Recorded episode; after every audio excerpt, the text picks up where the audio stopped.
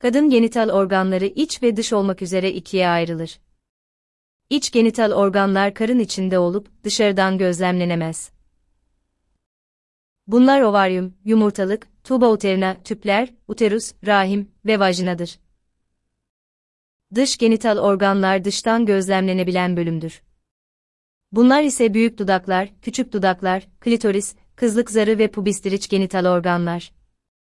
Overler badem şeklinde, rahimin her iki yanında yerleşmiştir. Yumurtalık grims pembe renkli 3 cm, uzunluğunda, 1,5 cm genişliğinde, 1 cm kalınlığında, 4-6 gram ağırlığındadır. Yumurtalıkların görevi her ay yumurta üreterek döllenmeyi sağlamaktır. Anne karnındaki kız çocuğunda, gebeliğin 5. ayında yaklaşık her iki yumurtalıkta 7 milyon civarında yumurta ön hücresi, osit, vardır. Bu sayı doğumda 1-2 milyon, ilk adet görüldüğünde 400 bin civarı, menopozda da sadece birkaç yüz kadardır. Ergenlikle birlikte hormonal faaliyetin başlamasıyla her ay bir yumurta olgunlaşır, çatlar ve karın boşluğuna yumurta atılarak döllenmeyi başlatır. Her ay sırasıyla bir yumurtalıktan yumurta atılır. Nadiren 2-3 yumurta atılarak çoğul gebelikler oluşabilir. Tüpler, yumurtalıktan atılan yumurtayı rahime nakleden kanallardır.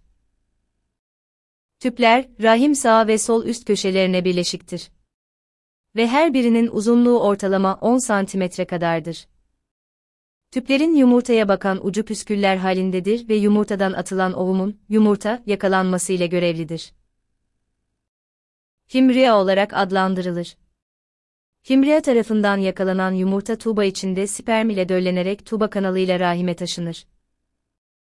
Rahim, uterus, karında pelvis denen leğen kemiği içine yerleşmiş önünde mesane, arkada rectum, bağırsağın son kısmı ile komşu, şekli armuda benzeyen 8-9 santim uzunluğunda, 6 santimetre eninde, yaklaşık 2.5 santim kalınlığında bir organdır.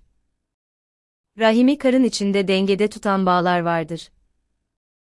Bağlar rahim ile karın duvarı arasında uzanır. Rahimin görevi döllenmiş embriyonun yerleşip büyümesini ve doğuma kadar gelişmesini sağlamaktır. Rahim iç yüzeyini kaplayan endometrium tabakası, her ay belirli bir kalınlığa ulaşarak adet kanaması şeklinde dışarı atılır.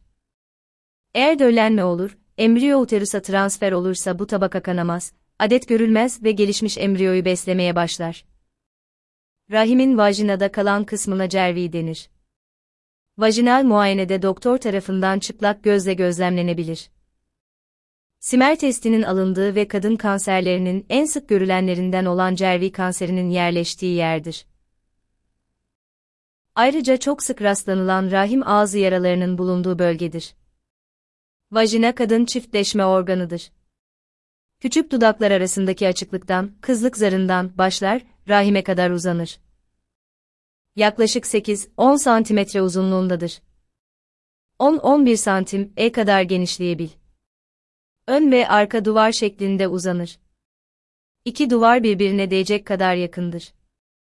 Ön duvarın önünde mesane, idrar torbası, arka duvarın arkasında rektum, en son bağırsak vardır.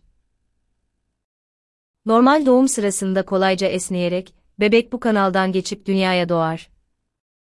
Dış genital organlar Büyük dudaklar, pubisten anuse doğru uzanan, cilde göre daha koyu pigmentli uzunlamasına kabarık içinde ter, yağ bezi ve damarlar olan dokudur. Puberteden önce daha düzdür. Puberte ile birlikte daha dolgunlaşır ve kıllanma başlar. Erkekteki skrotuma, torbalar, eşdeğer dokulardır. Küçük dudaklar, klitoristen başlayarak vajina girişini çevreleyen deri kıvrımıdır. Kıl hücresi barındırmaz. Yağ bezlerinden zengindir. Klitoris, erkekteki penisin karşılığı olan, küçük silindirik, erektil bir organdır. Dıştan görülen kısmı 6-8 mm değerir. Derine, iç dokulara doğru uzayan kısmı vardır. Klitoris bol miktarda düz kas dokusuyla çevrili ve erektil, kanlanması bol bir organdır. Cinsel ilişkide sertleşir ve orgazmı sağlar.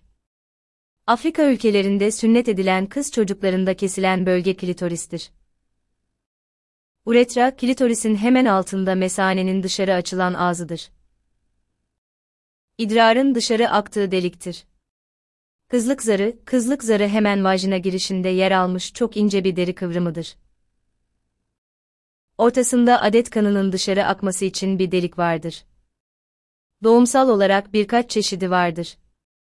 İlk cinsel ilişki esnasında oluşan yırtılma sonrasında bir miktar kanama olur. Kanama miktarı zarın yapısına göre hafif lekelenme şeklinde olabileceği gibi, 3-5 ml kadar da olabilir. Kızlık zarı penisin geçişine izin verecek kadar esnekse, yırtılma ve kanama olmaz.